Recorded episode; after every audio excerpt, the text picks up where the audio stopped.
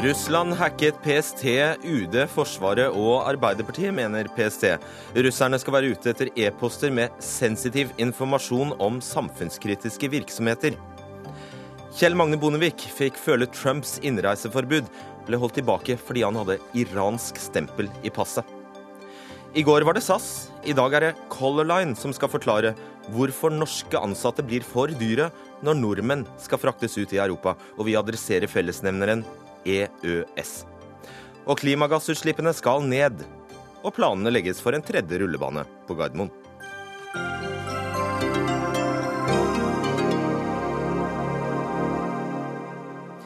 Vi ønsker god kveld og vel møtt til Dagsnytt 18. Mitt navn er Fredrik Solvang.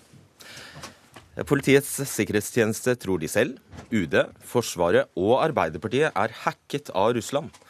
Ni norske e-postkontoer er forsøkt hacket, meldte både TV 2 og VG i ettermiddag. De ni e-postkontoene tilhører foruten postmottaket til Arbeiderpartiets stortingsgruppe enkeltpersoner i UD, Forsvarets statens strålevern og en høyskole og PST selv. Og PST tror altså at dette er målrettede hackerangrep mot de norske e-postkontoene og mot personer som ifølge PST kan sitte på sensitiv informasjon om samfunnskritiske virksomheter. Jonas Gahr Støre, leder i Arbeiderpartiet. Nå når Erna ikke er hacket, men du, så har vi vel fått en endelig bekreftelse på hvem som egentlig styrer dette landet? Det var en morsom spøk, men dette er jo dypt alvorlige forhold. da. Det at et norsk parti eh, i et parlament blir eh, hacket, hvis PST nå har rett, eh, det er svært alvorlig, og det er ingen hyggelig nyhet å få i dette året. Hvordan ble dere informert?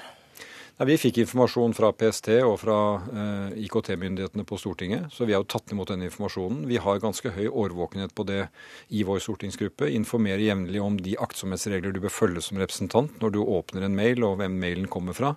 Det som vi alle bør tenke på når vi er på nett. Eh, og vi fikk da en informasjon om det som har foregått, og en gjentagelse av de aktsomhetsreglene. Uh, ja. Det er jo kanskje et overflødig spørsmål, men uh, hvor alvorlig ser du på dette? For å si det sånn, eh, jeg har som prinsipp på den type mail da, som vi, eh, kontakt vi har, at du må aldri skrive ting du ikke kan tåle å se i avisa. Så jeg tror ikke det står ting der, tenker jeg iallfall, som er eh, sånn klassifisert informasjon. Men det er jo svært alvorlig hvis det er riktig at utenlandske etterretningsmyndigheter, utenlandske myndigheter, søker seg inn i disse nettverkene, forsøker å kanskje ødelegge, påvirke, ta til seg informasjon. Norge er et åpent samfunn, det er lett å få tak i informasjon. Og da er jeg opptatt av at ja, vi må følge aktsomhetsregler som brukere, men som samfunn må vi jo tenke på hvordan forsvarer vi oss mot dette. Hvordan lager vi en, et oppbygning av vårt nasjonale forsvar, som jo da ikke handler om forsvar ved grensa fysisk, men det at vi kan forsvare oss fra det som kommer i, eh, i cyber, som det sies. Ja. Vet dere hvem hos dere som, eh, som er angrepet? Altså hvilke personer det er snakk om? Eh, ja, PST har antydet det. Det er jo da noen som har åpnet en slikt vedlegg, da. Eh, det er ikke i og for seg det store poenget her, men det er jo påvisningen av at eh, det postmottaket til Arbeiderpartiet har vært utsatt for et sånt angrep, som vi må legge vekt på. Gjør dere noe med sikkerhetsrutinene, selv om de fra før av var greie eller god? Vi følger de rutinene som eh, er i Stortinget, og vi tar til oss de rådene som PST tar. Så det, det, er hva som gjelder denne situasjonen. Men så er vi jo da politikere, og vi er lovgivere. Og vi har akkurat behandlet en langtidsplan for Forsvaret. Eh, så jeg blir jo opptatt av å spørre hva gjør vi nå for å styrke den delen av Forsvaret? Eh, Nasjonal sikkerhetsmyndighet, PST, E-tjenesten, hvordan jobber de bedre sammen? Hvordan jobber vi med våre allierte i Nato, og hvordan sikrer vi at vi investerer nok i dette? Dette er budsjetter som jeg mener har vært for beskjedne til nå, og som vi trolig må øke, slik at vi kan bygge kapasitet eh, for å forsvare oss. Og Så har vi det amerikanske valget i erindring hvor tilsynelatende russisk etterretning var inne, hentet informasjon ut av demokratene og spredte det målrettet hvis dette er riktig. Eh, jeg klarer ikke helt å se for meg hvordan det foregår på norsk vis, men vi skal ha valg i Norge også om noen måneder. Og da er det, mener jeg, dypt urovekkende at noe sånn eh, kan skje. Takk skal du ha, Jonas Gahr Støre. Vi vender oss til Sofie Nystrøm. Du er direktør for Senter for Cyber and Information eh, Security. Hva er det som skjer når disse e-postkontoene blir hacket? Det starter eh, ofte med at eh, e-post blir laget på norsk, på et språk da, som du kjenner, selvfølgelig. Eh, fra det har vært mistenkelig med russiske ja, russisk Det har vært engelske og dårlig utformet e-post tidligere, men det er ikke noe en barriere. Språket er på godt norsk. Og det kommer fra en, en bruker som man manipulerer, en bekjent i stortingsgruppen eller inn i departementet, som, som er kjent. I tillegg så har man da ja, bare, ja, Så, så eh man kommer seg inn på den eh, på vedkommende, altså får vedkommende til å Altså en, en, man kjenner, en som kjenner noen andre, til å sende videre. Er det nei, sånn det foregår? Nei, men man forfalsker rett og slett. Oh, ja. eh, både navn og e-postadresse. Dette er teknisk ikke så veldig vanskelig. Mm. Eh, og eh, det gjør man ved å, å, lurke rundt og finne ut av hvem som kjenner hvem, og hvem som snakker med hvem, slik at det blir en troverdig e-postavsender.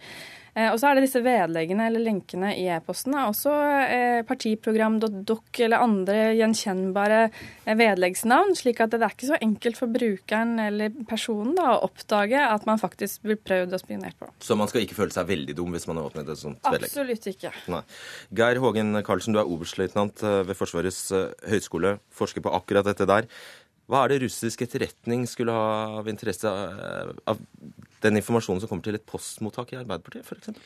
Ja, det de jobber mot, og de jobber langsiktig for å ivareta russiske politiske interesser, eh, det er særlig norsk eh, sikkerhetspolitikk, nordområdene, Svalbard, eh, energipolitikk og forsvar, beredskap.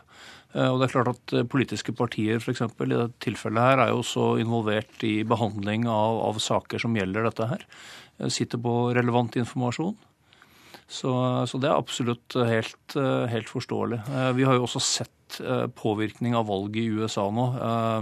Det vi har, kan si med sikkerhet, det er at russerne er i stand til både teknisk og operativt å, å gjennomføre sånt. Men, men en annen sak er hvorvidt de ser noe politisk potensial i å gjøre det her i Norge. Og det var jo i hvert fall PSTs vurdering at uh, det er så stor enighet om norsk sikkerhets- og utenrikspolitikk at det kanskje er mindre sannsynlig. Men uh, sånn som det er nå, så tror jeg ikke vi skal utelukke noe som helst. Ingenting overrasker deg om dagen? Uh, vi har fått så mange overraskelser nå at jeg tror, jeg tror ikke vi skal liksom utelukke noe.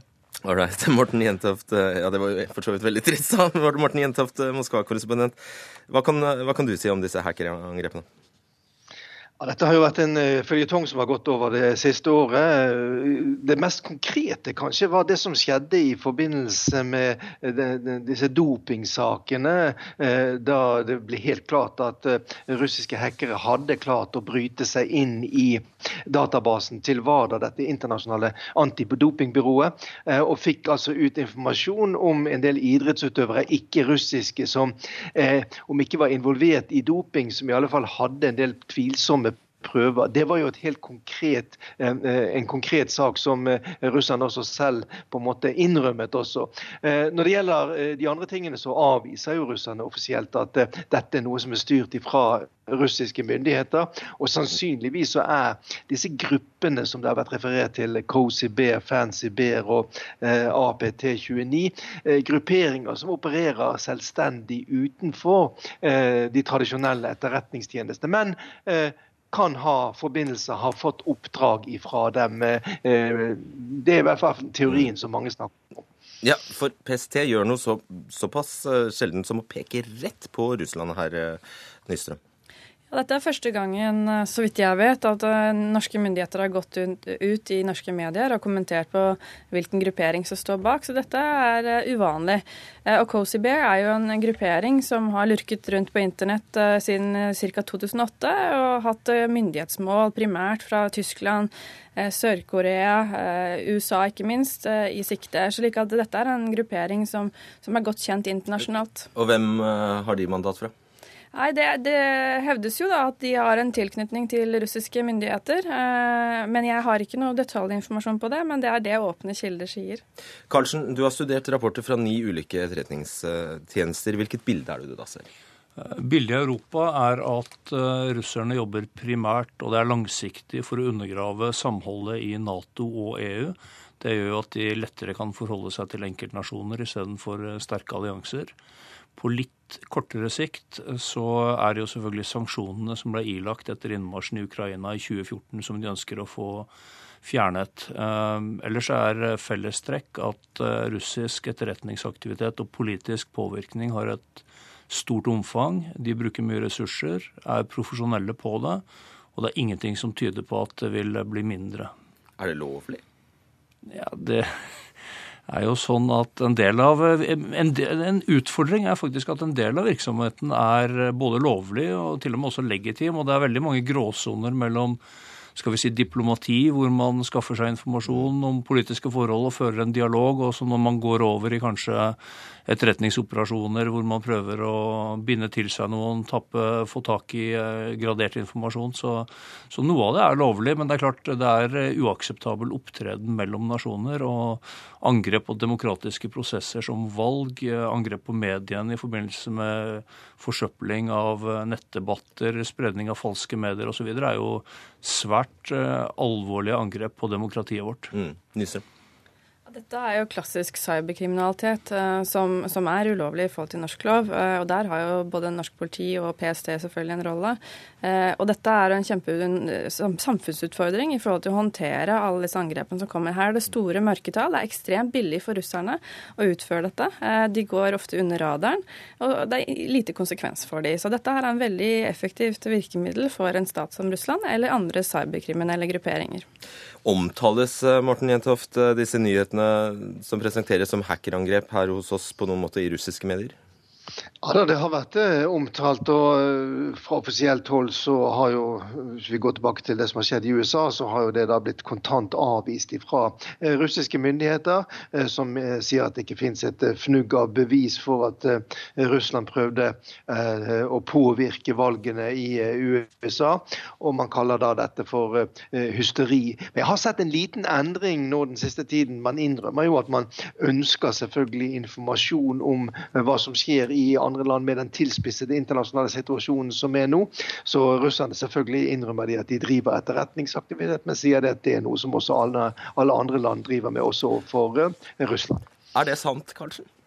Alle nasjoner driver etterretningsaktivitet, det er det ingen tvil om. Det er man nødt til. Altså, jeg jobber i Forsvaret. Det er klart at det ville være fullstendig uansvarlig å sende norske soldater til eh, Afghanistan eller Irak f.eks. uten at vi driver etterretning og vet hva slags trusler vi står overfor. Det er greit, men holder vi på som det tar? Det tviler jeg på. okay. Takk skal dere ha, Sofie Nystrøm, Geir Hågen Karlsen og Morten Jentoft. Dagsnytt 18 alle hverdager kl 18.00 på NRK P2 og NRK2.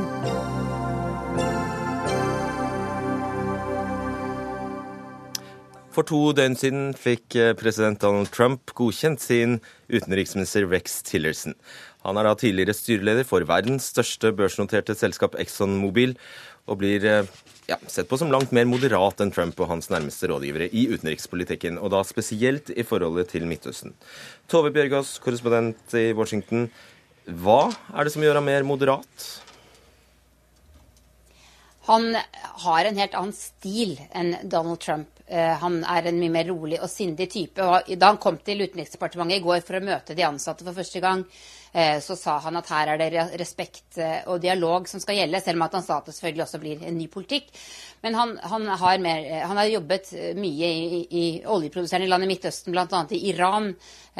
og selv om at han støtter at man skal, ikke er spesielt positiv til atomavtalen, og den slags, så, så har han mindre konfronterende syn enn Trump. Så det blir veldig spennende å følge med på hvilken rolle han får i forhold til de to som nå sitter inne i Det hvite hus, Steve Bannon og eh, sikkerhetsrådgiver Michael Flynn, som eh, jo også skal ha en hånd om utenrikspolitikken. Hvem er de to? Bare ta det veldig kjapt. Steve Bannon han var altså valgkampsjefen til Trump og er jo denne høyrepopulisten fra nettstedet Breitbart, eh, som blir sett på som en nasjonalist og også som spinndoktoren til Trump. Han har hatt en veldig sentral rolle så langt i både språkbruken i denne innsettelsestalen og i mange av de, eh, de eh, presidentordrene som har kommet, også den om innreiseforbudet. Og der konsulterte de visstnok ikke engang Tillerson før de la dette fram. Michael Flynn er en tidligere general som eh, har eh, uttalt seg i voldsomme ordelag i støtte til Putin tidligere. Og han kom også ut denne uka og, og, og sa at man fulgte nøye med på det som skjer i Iran. Og i dag så er altså Trump lansert nye sanksjoner mot eh, Iran. Så han er mye mer av en hardliner enn det jeg tror jeg kan, vi kan vente at Tillerson har. Men ingen av disse tre har jo sittet i en administrasjon før, og har, ingen av dem har politisk erfaring. Eh, og det er jo det som blir det veldig interessante her. Men det har du, Kjell Magne Bondevik, tidligere statsminister og nå leder i Oslo-senteret for fred og menneskerettigheter. Du kommer faktisk rett fra USA og hit til eh, Dagsnytt 18, og har, du har selv fått erfare disse innstrammingene til Trump? Ja, jeg regner med at det har noe med det å gjøre, i hvert fall. For da jeg reiste inn på tirsdag, eh, og de så i mitt eh, pass at de hadde vært i Iran i desember 2015, så ble jeg tatt til side. Nå forstår jeg at det er en regel som sier at reiser du på et såkalt ESTA-visum, altså et sånt online-visum som jeg hadde, eh, så er det noen land som gjør at man må sjekke nærmere. Og det, det respekterer jeg. Jeg skal ikke ha noen særbehandling. Men når jeg da straks øh, forklarte min bakgrunn, hvorfor jeg hadde vært i Iran, nemlig for å tale på en konferanse mot ekstremisme og vold Nå vil jo noen lure på hvorfor Iran har en slik konferanse, men det hadde de nå. Så øh, tenkte jeg at da, da bør jo dette gå greit for en tidligere statsminister fra et Nato-vennligsinna land som Norge skulle ikke representere noe problem eller en trussel. Men nei, det ble spørsmål, og det tok en time. Uh, og det syns jeg var ganske uhørt og, og provoserende. Gikk det utover noe? Hva? Gikk det utover noe? Eh, ja, jeg kom litt for seint til en uh, avtale jeg hadde. Det var ikke det store problemet. Men uh, jeg tror nå, nå har det blitt en sånn stemning i USA at liksom når de ser noen sånne navn på noen land som Iran og tilsvarende, så blinker det noen røde lamper med en gang. Og så behandler de da sånne saker etter mitt syn veldig firkanta og ikke med forstand. Hva var det du skulle i USA? Jeg har hatt forskjellige møter eh, med samarbeidspartnere for uh, Oslo-senteret, og det har vært veldig interessant, for de sitter nå også med en veldig fersk ferskt inntrykk av stemninga der borte, som er i retning av et mer og mer uh, splitta amerikansk samfunn. Og det er egentlig veldig urovekkende. Mm. Marte Heian Engdahl, seniorforsker ved eh, PRIO. Eh, det blir spennende dette her. Om noen dager, altså den 14. februar, så skal Benjamin Netanyahu, Israels statsminister, på besøk til eh, Trump. Hvordan er forholdet nå mellom USA og Israel, vil du det er som du sier, det er vanskelig å vite. Det er mye som tyder på at begge de to statslederne eh, gjør alt de kan for å eh, være på god fot med hverandre. Eh, Netanyahu tvitra at han hadde stor erfaring med great success med sin mur, og at han dermed eh, sånn sett støtter Eh, murforslaget mot eh, Mexico osv. Eh, men så er det det her store store spørsmålet om bosetningene, som er det som, som trykker på, da, og som melder seg. og vi var jo mange av oss som sa at det her er spørsmål som kommer til å være sentrale, og som administrasjonen må forholde seg til fra dag én. Og, og det, det gjorde de nesten nå, for det kom en nyhet der. Ja, det kom en nyhet. Men hvis man så litt nøyere på saken, så var det kanskje ikke Nå må vi kanskje spole litt tilbake, da. Ja, det, vi, det vi ble fortalt, var altså at uh, USA ikke mente at byggingen av uh, etableringen av nye bosettinger uh, var hjelpsomme. Ja, og det er jo riktig. Eh, det kan vi si. Men hvis du vi gikk litt nærmere inn på saken og så på hele den fulle uttalelsen fra Det hvite hus, så er det her må det på ingen måte misforstås til å tro at det her er en eh, hardere linje fra Trump-administrasjonen.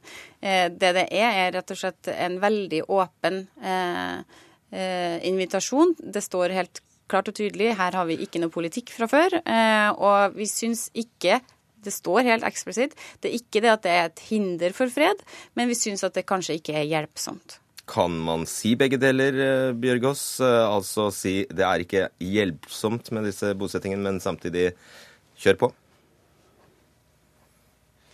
Ja, det er jo ofte kanskje Dette vet Marte bedre enn meg. men Et slikt språk som føres eh, i saker som handler om Israel. Det, det er veldig mange nyanser her.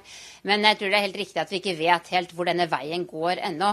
Men det vi har sett altså, de siste 24 timene her, det, det, er jo sånn her nå i USA at hver morgen våkner du opp til en, ja, en litt forandret virkelighet. Sjekker Twitter-kontoen til Trump, og så går du inn og ser hva, hva eh, folk i administrasjonen han sier på TV. Det har jo kommet mer moderate, modererte utsagn både om Israel, om Ukraina og om Iran det siste døgnet. Og når det gjelder Ukraina, så sa altså FN-ambassadør Nikki Haley at USA ikke vil oppheve sanksjonene mot Russland før de, de, de avslutter annekteringen eh, av Krim. Så, så, så, dette er jo også nye toner i forhold til det Trump har sagt. Så, så det, det er, jeg tror vi går en, en, spennende tid i møte nå når disse folka eh, i, i disse Utenriksdepartementet får satt seg, også når det gjelder politikken overfor Israel. Bondevik, eh, dette møtet mellom Trump og Netanyahu, hvor avgjørende kan det bli?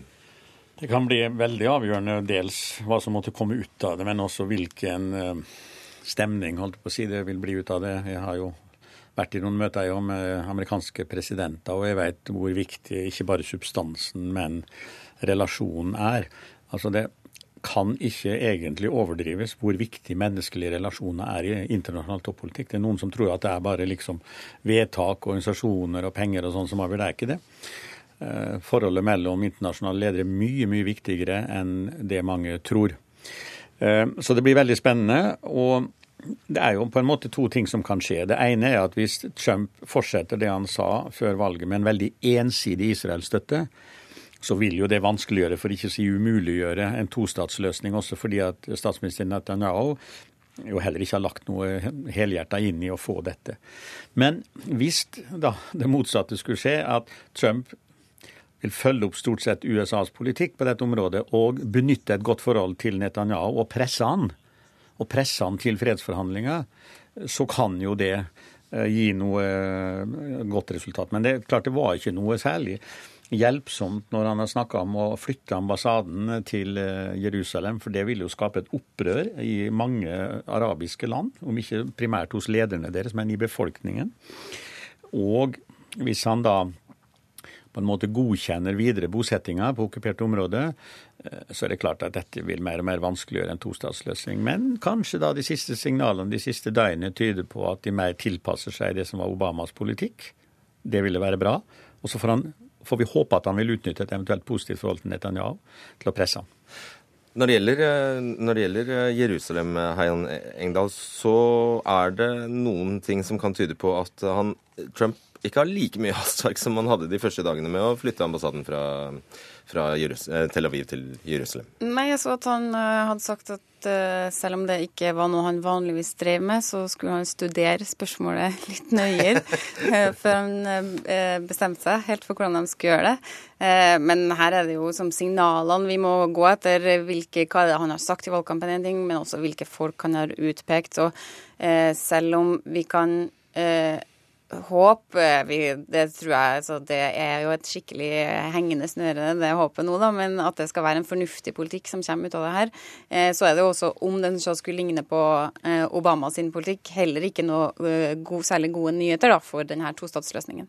Ja, bare to ord om hvem som påvirker Trump i disse sakene. Altså, eh, eh, eh Svigersønnen, Jared Kushner, er altså utnevnt til en slags Midtøsten- Eh, Midtøsten-rådgiver, stemmer det? Eh, ja, han virker som han skal, han skal vel være en personlig rådgiver, men med spesielt fokus eh, på det spørsmålet, da. Og han er jo, som vi vet, en ortodoks jødisk mann.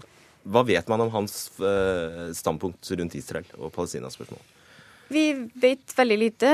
Det eneste vi vet, er at han, i likhet med den nominerte ambassadøren til Israel, som Trump vil sende, eh, begge står på finansieringslista over eh, en bosetning dypt, dypt inne på Vestbredden, som det overhodet ikke eh, er noe spørsmål om burde være ulovlig eller ikke. Det vet vi. Akkurat, Bonevik.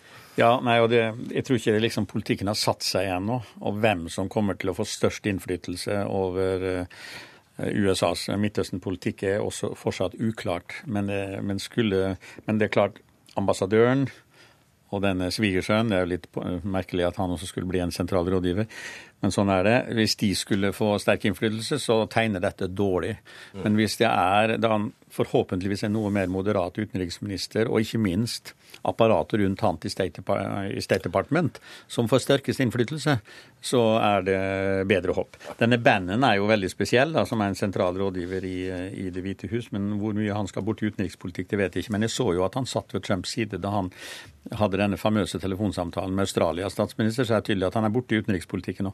Veldig kort. Det er jo presidentene og statsministrene her som er de viktigste spillerne, som Bondevik sa i stad. Og også der er det jo grunn til å være bekymra for det her forholdet hvor det bærer hen. For det er jo eh, to ganske hårsåre typer vi snakker om, og som eh, tar ting veldig ille opp, og som eh, dermed har også mange ting som kan skjære seg dem imellom, selv om de eh, på en måte later som de eh, har en bromance på gang nå. Takk skal dere ha, Tove Bjørgaas, Marte Heien Engedal og Kjell Magne Bondevik.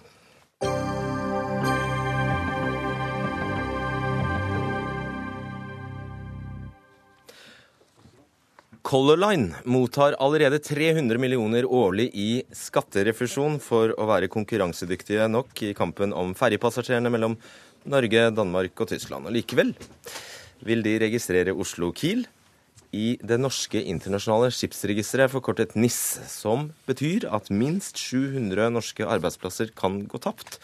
Helge Otto Mathisen, konserndirektør i Color Line. Hvor mye tjente Color Line i fjor?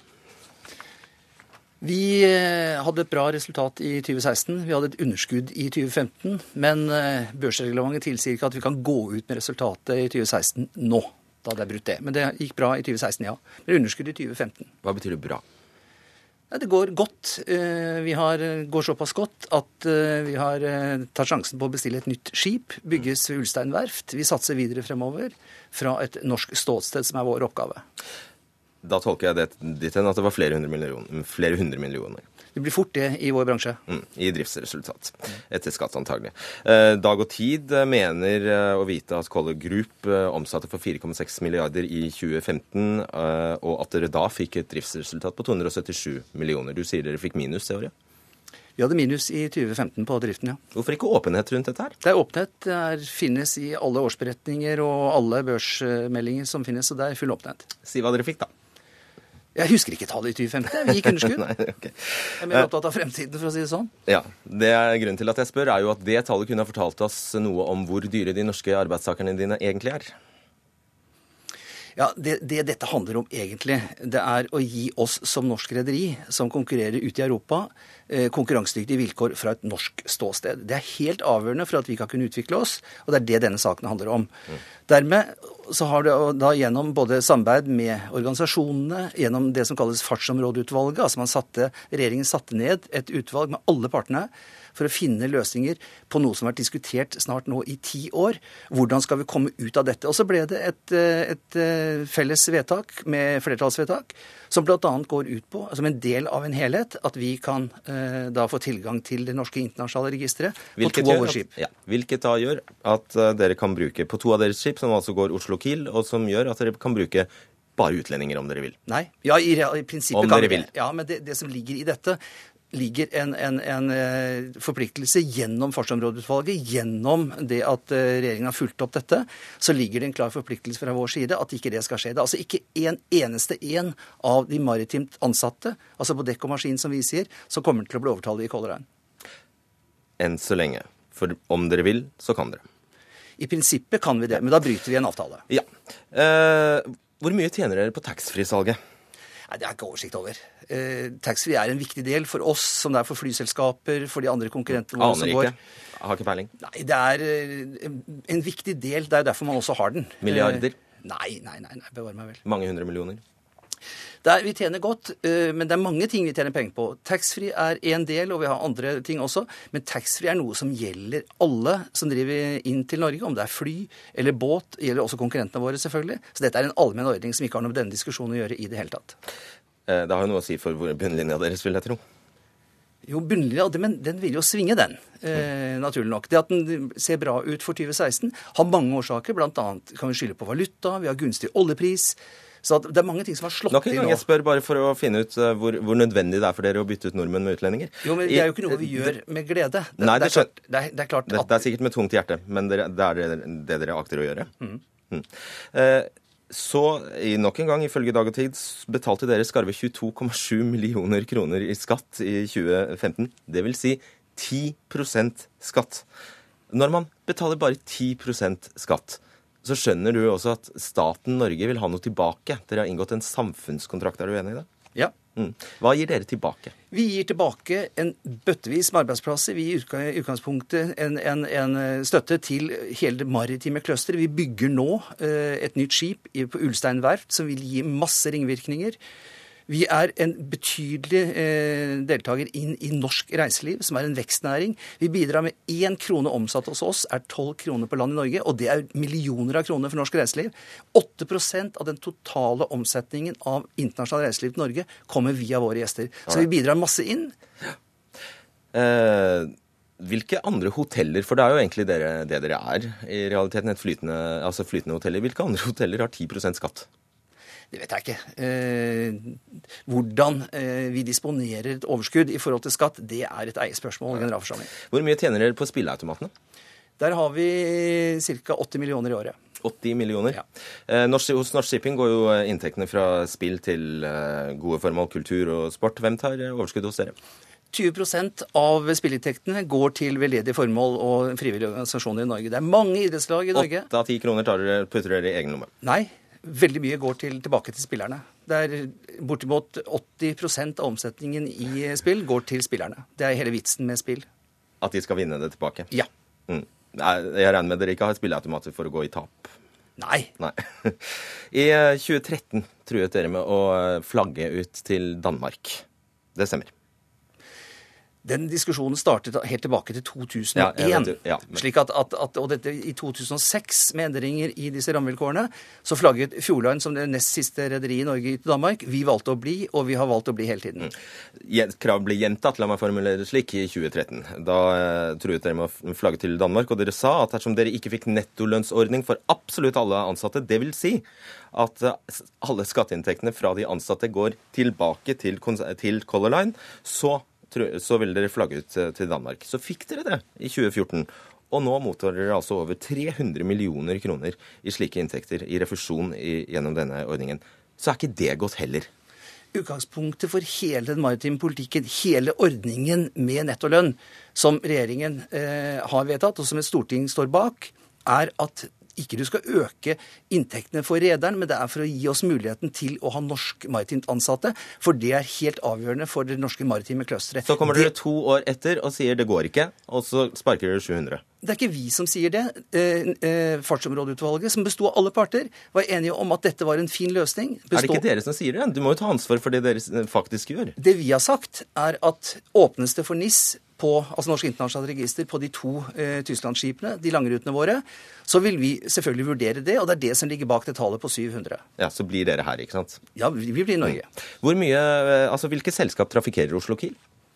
Det er Color Line, men vi har konkurrenter på de andre store byene. Vi har konkurrenser på København, vi har konkurrenter Det på vet jeg, men på Oslo Kiel så har dere monopol. Der er, ja, men det er i hvert fall bare vi som går der. Og det er disse to ferjene vi snakker om, de som går på Oslo Kiel. Ja. Hvordan henger det da sammen? Altså På den ene ruta dere faktisk har monopol, så sier dere det er så mye konkurranse at vi må ha en hel en spesialordning. Utgangspunktet er jo at eh, Dere har jo ikke konkurranse på den ruta. Vi har konkurranser i bøtter og spann. Vi har konkurranser fra de andre rederiene som går Ikke på den ruta. på den ruta, men den er jo bare en del av en helhet. Hvorfor er det den ruta dere da ber om Fordi at det er der man kan ta inn eh, mest mulig ved å gå på NIS, sånn som eh, de andre rederiene har, at de går på internasjonalt register. Det er der det er noe å hente. Ok. Hvor kan disse sjøfolkene komme fra? Kan de komme fra Polen? Bulgaria? Det vil være borgere av, eh, av altså EU-borgere, EØS-borgere. De som er billigst? eller? De som er billigst? Ja, Vi har ikke gått inn- i den diskusjonen, for det syns vi vi skal ta med fagforeningene når vi får en lov på bordet. Loven er ikke kommet ennå, og det er heller ikke godkjent. Kan de komme fra Filippinene? Nei. Kan de ikke komme fra Filippinene via Malta? Det tviler jeg på. Mm. Hvor mange nordmenn eh, kommer til å miste jobben nå? Helt sikkert. Det som ligger i fartsområdeutvalget, er at det står det tall 700. Det eh, vet vi ikke helt nå, og det ville vært useriøst å si også, men det vi, eh, vi vet, er at det står 700 eh, personer der. Når loven er klar 700 av hvor mange? 700 av vel 2000. Mm. Du er klar over at det er 1,4 nordmann per skip som er norske skip som er registrert i dette norske internasjonale skipsregister? 1,4. Og du påstår at du akter å beholde, beholde eh, alle disse nordmennene? Ja, men vi går i Den NIS-loven som da blir tilgjengelig for oss, den ligger jo som en følge av en helhetlig maritim politikk som vi er enig i, og som vi, vi i så fall vil si ja til. Det betyr at vi kommer til å beholde eh, norske maritimt personell på alle seks skipene våre. Ja, men du vil ikke garantere det? Det er umulig å garantere Nei, for fremtiden. Ja, ikke sant? Spørsmålet mitt er egentlig hvorfor stoppe der? Hvorfor stoppe med de 700? Vi er helt avhengig av, hvis vi skal være fra et norsk, altså satse fra et norsk ståsted, være et norsk selskap, så er vi helt avhengig av å være en del av det norske samfunnet. Vi tar samfunnsansvar. Det, det er det som skaper grunnlaget for Dere tar samfunnsansvar ved å la alle andre enn de som er da sjøfolk, være utlendinger? Ja, Vi tar i høyeste grad samfunnsansvar. Vi er jo tungt inne i andre næringer. Vi bestiller nå, som sagt, et helt. Nei, men hold deg til skipene, da. Du, du, du mener dere tar samfunnsansvar når dere gir 700 norske norske ansatte eh, sparken og erstatter dem med utlendinger. Dette er, jo et, dette er et resultat av en maritim politikk som gir oss internasjonal konkurransekraft som vi er helt avhengig av. Alternativet er jo noe helt annet. Alternativet er at vi ikke har et Line i Norge lenger. Tenk om alle bedrifter hadde argumentert som deg i Norge. Ja, De har jo ikke forutsetning for å argumentere for det, fordi vi er i en helt spesiell situasjon. Vi konkurrerer side om side i Skagerrak med rederier som har internasjonalt register, om det er dansk eller svensk. Konkurrerer ikke alle eksportbedrifter til syvende og sist med utlandet? Jeg må uttale meg om hvilken betydning dette har for oss, og det er det som vi Du påberopte deg nettopp samfunnsansvar, så ber jeg bare reflektere rundt samfunnsansvaret. Ja, vårt samfunnsansvar begrenser seg til de to hovednæringene som vi er inne i, altså det maritime og innenfor reiseliv. All right. Eh, hva hvis konkurrenten Fjordland Fjordline gjør det samme som dere? Hva gjør det da? Så fint. De må jo selv gjøre et valg. De gjorde et valg i 2006 da de flytta til Danmark. Om de velger å flytte igjen til Norge, så er det kjempefint. Foreløpig takk skal du ha, uh, Mathisen, Helge Otto Mathisen. Uh, I går var det jo statssjefen Eivind Roald som satt her i Dagsnytt 18 og forklarte hvorfor de flagger til Irland og tar i bruk billigere arbeidskraft fra Spania for å fly nordmenn til Europa. Og i dag er det altså du som er her for å forklare hvorfor dere gjør noe av det samme. Um, Fellesnevneren mellom deg og Roald, det dere gjør, er jo egentlig EØS, altså EUs indre marked. Det er fri flyt av arbeidskraft, det er fri bevegelighet av tjenester. Og det betyr, som du sier, norsk arbeidskraft utkonkurreres av europeisk arbeidskraft. Så enkelt og så brutalt. Magne Lerøe, redaktør i ukeavisen Ledelse. Og det er åpenbart villet politikk. Men hvorfor vil vi dette?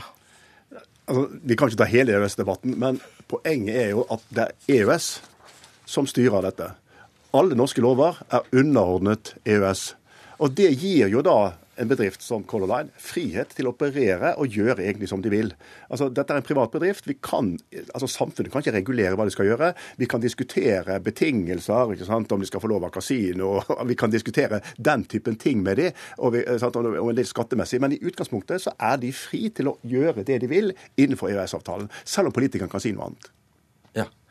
Er politikerne ærlige om hva EØS-avtalen eh, bringer med seg på dette området? De, de, de prater altfor mye, istedenfor å si det så enkelt at det er EØS-avtalen som er hovedavtalen, og alle andre avtaler skal innordne seg under den. Det er så det poenget med EØS-avtalen. Så enkelt kan det sies. Men de prater en hel masse ting om at, skal, altså at norsk arbeidsmiljølovgivning skal på en måte eh, være nærmest overordnet EØS-avtalen. Sånn er det ikke i praksis. Men det vi nå ser, det er et eksempel på at der hvor den, altså alt press på, på, på norsk arbeidskraft, det gjelder nå innen, innen fly, flybransjen.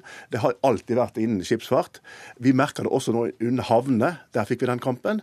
Sant? Og vi merker disse, disse utenlandske arbeiderne som kommer for å jobbe. De kjører søpla, de gjør jo det ja, ja, Så, så det, er, det, er, overalt, det. Eh, og, og dette er, er, det veldig vanskelig for politikerne å gjøre noe med, men her må man gå inn i dialog. Altså, Det er ikke Monica Mæland er ikke Trump, altså. Han kan han ikke skal forholde seg til Donald Trump. Da han har fått beskjed bare, ja. om hva han, hva, at han skulle holde seg til Norge. Ja. Eh, store deler av fagbevegelsen har jo begynt å henge bjella på denne EØS-katten, og det kan skape trøbbel for Jonas Gahr Støre, skriver du. Ja, men det er klart det at vi får en, en mer og mer intens debatt omkring EØS. EØS det er en pris vi må betale, f.eks. den prisen at 700 arbeidsplasser kan forsvinne. Eh, sånn er det i alle bransjer. Eh, og Norwegian er jo også et eksempel på ikke bare EØS-avtalen, men hvordan, hvordan, en del av arbeidskraften må operere på internasjonale premisser. Det er jo hele den kampen omkring Norwegian. I går så var det SAS sant, som må gjøre akkurat det samme. Så alle, alle som på en måte beveger seg ut av Norges grenser, de får den problematikken. Alle sammen. Um, og det, det, vi opplever da, er at de fagorganiserte taper skanse etter skanse. Ja. Først forsvant jo da egentlig ikke det, Ja, det kan man si. Dessverre. Først så forsvant uh, sjøfolkene fra handelsflåten, så kom Norwegian, så kommer SAS, så kommer, ja. så kommer altså ferjene. Uh, det er EUs markedsregler som skal uh, gjelde. Ja. Har vanlige arbeidsfolk, de som har hatt disse jobbene, eller nå mister dem, har de noen grunn til å bejuble EØS? Nei, altså, Du kan ikke forvente at de skal juble for EØS når konsekvensen er at de mister jobben. Men totalt sett så, kan, så er det jammen sant ikke sikkert at Norge kan tillate seg og eh, droppe EØS-avtalen. Men da, da, er vi inne i den store debatten. ikke sant? Det er gi og ta her. Det er noen som uh, må ofre noe, noen som lider under det at vi har det EØS-avtalen. Her kan det da være 700, 700, eh, sjøfolk, og da skal de få slippe liksom å gå i tog for, uh, for å forsvare EØS-avtalen. Og det rammer de så sterkt personlig. Og bare veldig kort til slutt. Du har en veldig interessant refleksjon rundt det. At dette kan gjerne starte la oss si, med avindustrialisering i Ukraina. Så ender det med navere i Norge. Hvordan er den gangen? Jo, altså, dette, dette, er jo en del av en internasjonal trend vi ser. ikke sant? Altså Det er vanskelig for hvert enkelt, eh, hvert enkelt land å ta styring med arbeidskraften. For Ifølge EØS-avtalen er det ikke meningen det. Det er friflyt arbeidskraft. Det er det som er hovedmodellen i, uh, i EØS-avtalen. Men så har vi da funnet visse muligheter for å regulere det til enkelte bransjer. Uh, det har vi greid. Men, men, men altså, hovedmodellen er jo egentlig fri flyt. Mm. Du vil si noe til? Ja, altså I vår sak så, så, gikk jo eh, EØS gikk jo til sak mot Norge for et år siden. Hvor de fant ut at eh, NIS-lovgivningen, altså hvor den åpner for å begrense hvilke skip som kan komme inn og ikke, så sier EØS eh, at det, det, der er ikke tillatt, så vi går til sak. Det som Monica Mæland skal ha ros for, det er at hun faktisk da klarte på en finurlig måte i samarbeid med EØS å i hvert fall berge noe av dette. Mm. For Alternativet ville vært at vi da fikk NIS på alle skip. Da kunne vi gå Sandefjord Strømstad også med NIS, sånn som konkurrenten vår gjør. Hun skal ikke få mer ros fordi hun ville nektet å stille her i kveld. Takk skal dere ha, Helge Otto Mathisen og eh, Magne Lerøe.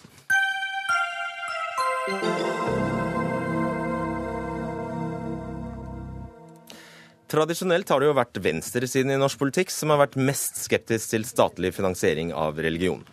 Men nå har unge, liberale krefter på høyresiden også stilt seg kritisk til eh, at Den norske kirke og andre trossamfunn får overført over to milliarder kroner over statsbudsjettet. Og Nylig foreslo Fremskrittspartiets programkomité å skrote denne trosstøtten, og heller bruke pengene på skatteletter, mm, skatteletter og frivillig trosstøtte gjennom medlemskontingenter. Bjørn Kristian Svendsrud, du er leder i FPU og medlem av FrPs programkomité. Hva er så galt med at staten gir støtte til trossamfunn? I dag så har vi en litt sånn uh, merkelig ordning, uh, hvor uh, støtten baserer seg i utgangspunktet på antall medlemmer i trossamfunnene. Men dersom Den norske kirke får færre medlemmer, ja, så økes medlemspotten hos de andre trossamfunnene, helt uavhengig av om de har flere medlemmer eller ikke. Så vi mener at den ordningen er egentlig litt snodig. Og Derfor så ønsker vi å se på andre løsninger. En løsning er jo da at man gir pengene tilbake over skatteseddelen, altså at man får generell skattelette. Eh, tilsvarende det som er trosstøtten i dag. En annen løsning kan være at man kan skrive under på selvangivelsen eller skattekortet om at man ønsker å betale til sin eh, lokale menighet. Det er mange løsninger der ute, både f.eks. i Danmark og Sverige, som det går an å se på. Eh, men poenget vårt Eller man kan velge den veldig enkle vi har i dag, da, som faktisk fungerer. Ja, Men den er ikke så veldig enkel. Eh, og når Den norske kirke i fjor mistet flere titusenvis av medlemmer, ja, så økte altså støtten til de andre trossamfunnene helt sånn uproporsjonalt, egentlig. Og, og, det mener vi er en, en, merkelig ordning som egentlig er litt urettferdig. Og da mener vi at det går an å eh, bruke skattebetalers pengene bedre, eh, samtidig som at eh, de som tror, ja, da betaler man for sin egen tro. Hvis ikke du tror, så skal du slippe å betale for tro. Uh, Ida Lindtveit, du er leder i KrFU. Ikke bare syns du dette er et dårlig forslag, men du sier faktisk det er grunnlovsstridig? Ja, Det jeg mener med dette forslaget, er at vi har trosstøtte i dag, altså statsfinansiert støtte til trossamfunn, for å sikre reell trosfrihet og for å sikre at trossamfunn kan opprettholdes over hele landet, slik at uavhengig av hvor man bor og størrelsen på lommeboka si, så kan man eh, være med i et trossamfunn. For det er dyrt å tro? Ja, nei, det skal jo ikke være det. Altså, Tro er noe man har en rettighet til. Og ikke bare har man rett til å tro, men man har også rett til å delta i seremonier tilknyttet sin tro. Det er en viktig del av det å tro. og Derfor mener jeg at staten skal bidra til å støtte det, på lik linje som vi støtter organisasjoner fordi vi ønsker organisasjonsfrihet i Norge. Så må man støtte trossamfunn fordi vi ønsker trossamfunn og trosfrihet i Norge. Det jeg ville pense deg inn på, var egentlig at dette strider faktisk. Dette, altså, dette forslaget strider åpenbart med, med Grunnloven, paragraf 16 faktisk. Eh, I 2012 vedtok Stortinget Den norske kirke, en evangelisk-luthersk kirke, forblir Norges folkekirke og understøttes sådan av staten. Ja, I Norge så er det altså Høyesterett som avgjør om noe er grunnlovsstridig eller ikke. og Dette er altså et forslag i et politisk program om å eventuelt endre Grunnloven. Eh, og det regner jeg med at også KrF eh, kanskje har i sine prosesser. Men det som er litt spesielt med argumentasjonen til Ida, det er jo at hun mener at vi trenger subsidiert statsstøtte for å hevde våre friheter eh, og våre rettigheter. Det mener jeg er veldig merkelig. Altså Hvis vi er inne på et spor i Norge hvor du er avhengig av subsidier for å ha reell trosfrihet, reell organisasjonsfrihet, ja, så har vi et problem. Ja, Men du sa jo nettopp selv at de trenger penger. Bare jo, men ikke for å ha reell frihet. Altså Trosfriheten er jo grunnleggende. Hva du tror i ditt hjerte, er jo grunnleggende frihet for deg. Helt uavhengig av hva staten mener. Ingrid Rosendorf Joyce, leder i Samarbeidsrådet for tros- og livssynssamfunn. Dere jobber for likebehandling av religioner og eh, livssyn. Hva syns dere?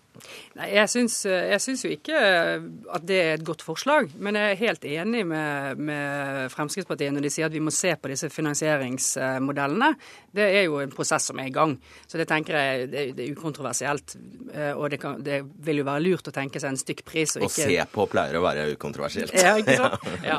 Men jeg syns ikke, ikke, dette er en god, uh, god, løsning at man skal fjerne støtten. Vi, vi jo, har lyst til å begynne et litt annet sted, og det er jo at vi ser på tro og livssyn som viktige samfunnsinstitusjoner. Og i den norske modellen så er vi vant til å støtte uh, viktige samfunnsinstitusjoner og viktige fellesanliggender over fellesskapets utgifter. Men er den rettferdig, den ordningen vi har i dag?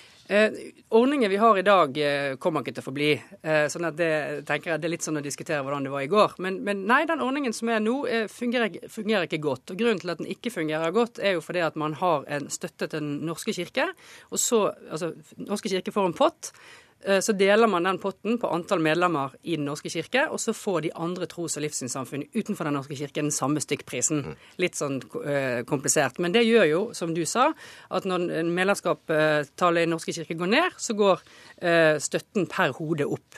Men grunnen til at støtten går opp per hode hos de andre, er jo fordi at den også går opp per hode hos Den norske kirke, for det er de som går ned. Så Da kan man jo istedenfor f.eks. bare begynne med å ha en Og Grunnen til det igjen er at eh, Stortinget bevilger en statisk sum. Nettopp, til Den norske kirke. Men, men uh, derfor kan man jo f.eks. ta utgangspunkt i uh, en, en, hodepris for alle. og Da vil jo ikke Eh, Buddhistforbundet få noe mer penger for det om det blir færre hos, eh, i Den norske kirke. Så den tenker jeg er ganske enkel å ha med å gjøre. Kan jeg få lov å si en liten ting til? Og det er uh, dette er viktige samfunnsinstitusjoner som ikke bare er hva du tror i ditt hjerte, men som også hvor tros- og livssynssamfunnet tilbyr barnekor og eldretreff og norskopplæring for innvandrere osv. Som kommer alle medlem, altså ikke bare medlemmene, men alle mennesker i lokalsamfunnet til gode. Det er et lim i mange lokalsamfunn. Mm. og Det tenker jeg er et viktig poeng bare å ha med i debatten. Ja, Det er jo sant. Det er, et godt poeng, Svensrud. Dette er jo ofte De driver veldedig arbeid, de finansierer eh, altså dette, Det er jo langt mer enn bare gudstjenester, for så vidt.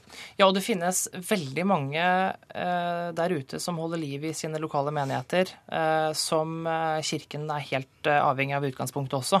Eh, og det mener jeg er positivt at Kirken eventuelt får flere engasjerte medlemmer i det arbeidet de bedriver.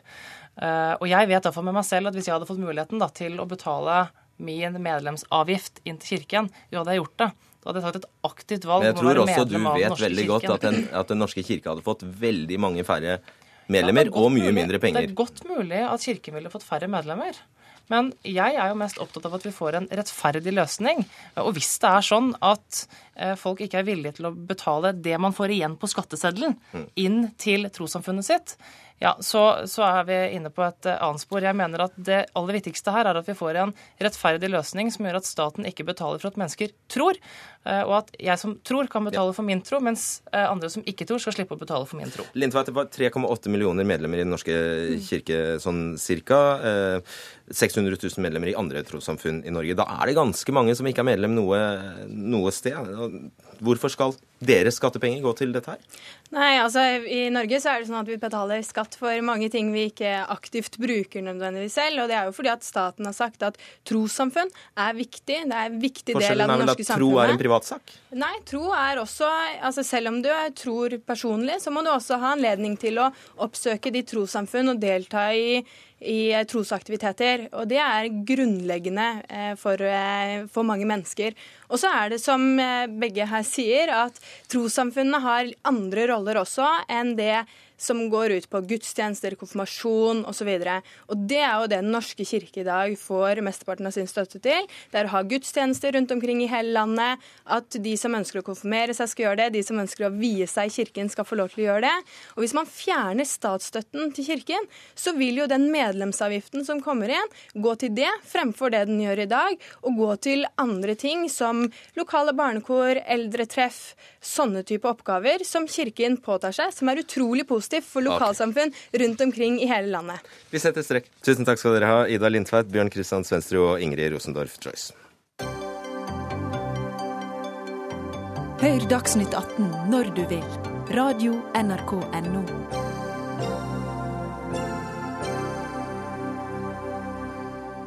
Bør Avinor få lov til å bygge ut en tredje rullebane på Gardermoen, slik at vi kan reise enda mer? Nei, sier Naturvernforbundet som mener det ikke er veien å gå for å få ned klimagassutslippene. Men Avinor selv mener behovet er der fra 2030, og håper på ja fra politikerne. Jon Sjølander, konserndirektør for strategi i Avinor. Hvorfor dette behovet? Altså vår, vår, samfunnsoppgave er jo å, å, sørge for at vi har en uh, infrastruktur og kapasitet som samsvarer med etterspørselen hos befolkningen og næringslivet.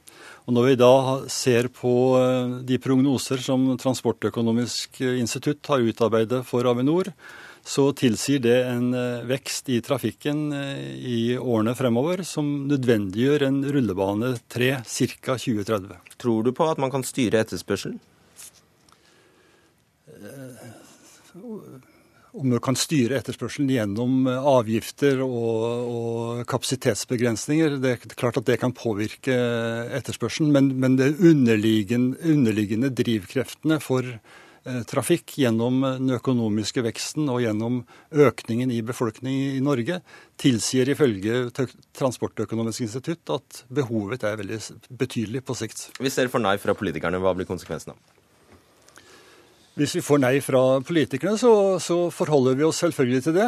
Hvis da prognosene slår til sånn som eh, de er eh, fremlagt, så vil vi jo stå overfor betydelige eh, køer og forsinkelser, og at folk må finne andre måter å reise på, og at noen, noen vil ikke reise i det hele tatt. Holger Slaupitz, fagsjef i Naturvernforbundet. Hvorfor bør politikerne si nei? Altså, Vi har et betydelig problem med skyhøye klimagassutslipp. Vi flyr eh, mer enn nesten alle andre land i verden, altså på toppen i flytrafikk eh, her til lands. Og eh, en tredje rullebane skaper mer støy for befolkninga i Oslo-regionen. Og en flyplass vil beslaglegge store arealer og kan gå utover verdifull matjord, som er viktig for matvaresikkerhet. Og dette her handler altså, som også Sjølander sier, om en vekst i flytrafikken. Det er ingen som snakker om at vi skal fjerne noen av de to eksisterende rullebanene. Dette er for å Det, skal, det hadde vært sprekt. Ja, det hadde vært sprekt, men det er ikke det den diskusjonen handler om. Det handler om at vi skal fly enda mer, og det er et politisk og et etisk spørsmål. Mm. Og du skjønner vel også at selv om, om OSL ikke skulle få den tredje rullebanen, så vil vel eh, folk bare flytte seg dit det er en rullebane? Det tror jeg ikke nødvendigvis i det omfanget som eh, noen kanskje tenker. Det er sånn at jo lettere en eh, har et tilbud tilgjengelig, hvis det er rett utafor stuedøra di, så flyr du mer enn om du først må komme deg til Stockholm eller København før du skal videre. Og den debatten her, den pågår også i mange andre land. Berlin har sagt nei til en tredje rullebane, osv. Så, videre. så dette er ikke et særnorsk fenomen. Nils eh, Åge Jekstad, medlem i Stortingets transport- og kommunikasjonskomité for Høyre. Ja, første pekepinn på om Avinor får det som de vil, eh, og får denne tredje rullebanen, kommer i Nasjonal transportplan, som er ventet i mars. Kan du leke litt? I utgangspunktet så er vi mest opptatt av å, finne ut hvor den skal ligge og få avklart arealspørsmålet. Fordi at arealspørsmålet er veldig dempende på utviklingen i, blant, i Navnestad kommune, som ligger på den andre sida av, av flystripa. Det er en kommune som har hatt flyplassen, som det er deler av flyplassen, men ikke fått den utvikling som flyplassen har gitt f.eks. Ullensaker. Og det å få avklart arealene er veldig viktig for den kommunen. Når det gjelder spørsmålet om når det skal øh, bygges, det vil avgjøres øh, dels i Nasjonal transportplan, men også i de årlige eiermeldingene som vi har til, øh, fra Avinor. fordi Avinor er jo selvfinansierende, men de styres også gjennom eiermeldingene. Men jeg ser ikke noen grunn til at vi skal gi startsignal for å bygge en tredje rullebane nå. Jeg mener må ses, Vi må se utviklingen mer i, i, på sikt. Eh, vi ser at andre flyplasser rundt oss eh, greier seg med atskillig mer flybevegelser på to rullebaner, og vi mener at kapasiteten utnyttes bedre. Au da, Sjølander. Det var egentlig et nei? Vi, vi, forholder oss selvfølgelig til det som eh, man vedtar i Stortinget. Når det gjelder kapasitetsutnyttelse og rullebane, så er det, det dominerende trekk internasjonalt at 90 eh, flybevegelser det klarer man eh, i topptimene på to rullebaner. Og det mener vi at eh, der er Oslo lufthavn i, i 2030. Eh, eh, greit. Slapp litt. Ja, dette viser jo at uh, det er en forståelse for problematikken. Og det er et godt signal fra Jekstad her sånn. Du er jo en landbruker, du er en tenkende stortingspolitiker og representerer tross alt også Akershus, uh, som også får en stor uh, belastning av denne flytrafikken. Så det er i hvert fall gode signaler. Men det jeg også hørte han sa, si, var Eh, hvor og når? Ja, og det er jo bekymringsfullt det også. Altså, det, er, det er bedre enn et klarsignal for å bygge.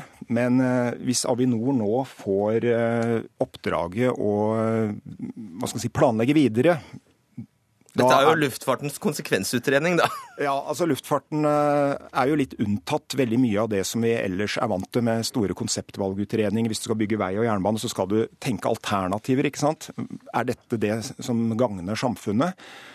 Det har ikke Avinor noe oppdrag om å få. Så jeg håper jo at regjeringa gir et oppdrag om at her skal vi ta dette her på alvor. Vi skal se på alternativer. Er det dette her som løser framtidas behov? Og Det håper jeg det kommer noen signaler om i Nasjonal transportplan. Men det var ikke det du sa, Jekstad, Du sa nå skal vi leite etter tomt. Ja, det sa jeg, og det er, det er, det er liksom det, det, aller viktigste. Men samtidig skal vi være klar over at i Norge er et, er et langstrakt land, og flyet er et, et kollektivmiddel i, i, store deler av landet. Bl.a. i Nord-Norge og på Vestlandet så er flyet nesten det eneste alternativet hvis man skal bevege seg langs, langt. Altså bygge ut jernbane i stor stil i Norge er nesten Det kan du gjøre på enkelte strekninger, men ikke i stor stil. og Derfor så er, vil fly fortsatt være Men det som er poeng, er at også flytrafikken er en del av EUs kvotesystem når det gjelder utslipp, og det har streng strenge utslippskrav. Eh, ned 43 fram mot 2030. De skal, vi har, støtter altså produksjon av eh, biodrivstoff eh, som skal, kan brukes i blanding med flyet, bensin. Og det gjør at vi faktisk gjør ganske mye for å gjøre flyet mindre, gi mindre utslipp også ved flytrafikken. Sjølander, er du tilfreds med at, det du hører fra Stortinget her, at du nå kan gå i gang i det minste og se etter tomt? Vi forholder oss til det som Stortinget vedtar, og vi syns det er veldig positivt hvis man kan få en eh, forutsigbarhet i den kommunale utviklingen og planlegging ved å nå eh, bestemme seg for hvor rullebanen skal eh, ligge. Ellers vil jeg også si at vi i Avinor har, og hele luftfartsindustrien i Norge har veldig respekt for behovet for å matche en trafikkvekst med tiltak som reduserer klimagassutslippene. Og Derfor så fokuserer vi sterkt på, på biodrivstoff Eh, som vi har en målsetting om skal utgjøre 30% av fuelen Ok, la oss, Jeg stopper deg der. Lar dette seg forene? Klarpitz? Nei, Jeg må først eh, svare på distriktsargumentet her. Nei, du kan svare på det. For det er blitt påstått to ganger nå. At det lar seg forene å bygge ut en tredje rullebane, og samtidig, og det vises til EUs kvotemarked, og samtidig få ned klimagassutslippene. Nei. altså For det første, kvotesystemet for EU gjelder kun for flytrafikk internt i EU. Det kom i går eller i dag en ny rapport som viser at uh, unntaket fra kvotesystemet for den trafikken som går inn og ut av EU, den eh, er tilsvarende subsidier på ca. 300-400 milliarder kroner. Så det går ikke? Det går ikke, og det er særlig den flytrafikken transatlantiske og til Asia som øker, og som det legges opp til, og som Avinor også jobber aktivt for at vokser gjennom nye langruter. Men de skal jo bruke biodrivstoff? Ja, det vet vi at er utfordrende. Vi har små mengder tilgjengelige ressurser som skal brukes på veldig mye. Vi må få ned energiforbruket for at vi skal få dette her til. Ok, Siste ord. Ja, jeg, tror, jeg, tror, på teknologien. Den teknologiske utviklingen på dette området her har gått veldig fort når det gjelder biler. Det som er poenget nå, er at vi, valget for, uh, av, av, hvor denne banen skulle ligge, ble tatt i 2012 av Avinor. Nå følger vi opp og gjør det vedtaket også i Stortinget. Vi sier takk til dere Holger Slagpitz, Nils Åge Jekstad og Jan Sjølander. Det var det som ble sagt i Dagsnytt 18 i dag. Jarand Ree Mikkelsen var ansvarlig for sendingen. Eli Kyrkjebø var teknisk ansvarlig, og jeg heter Fredrik Solvang. God kveld og god helg.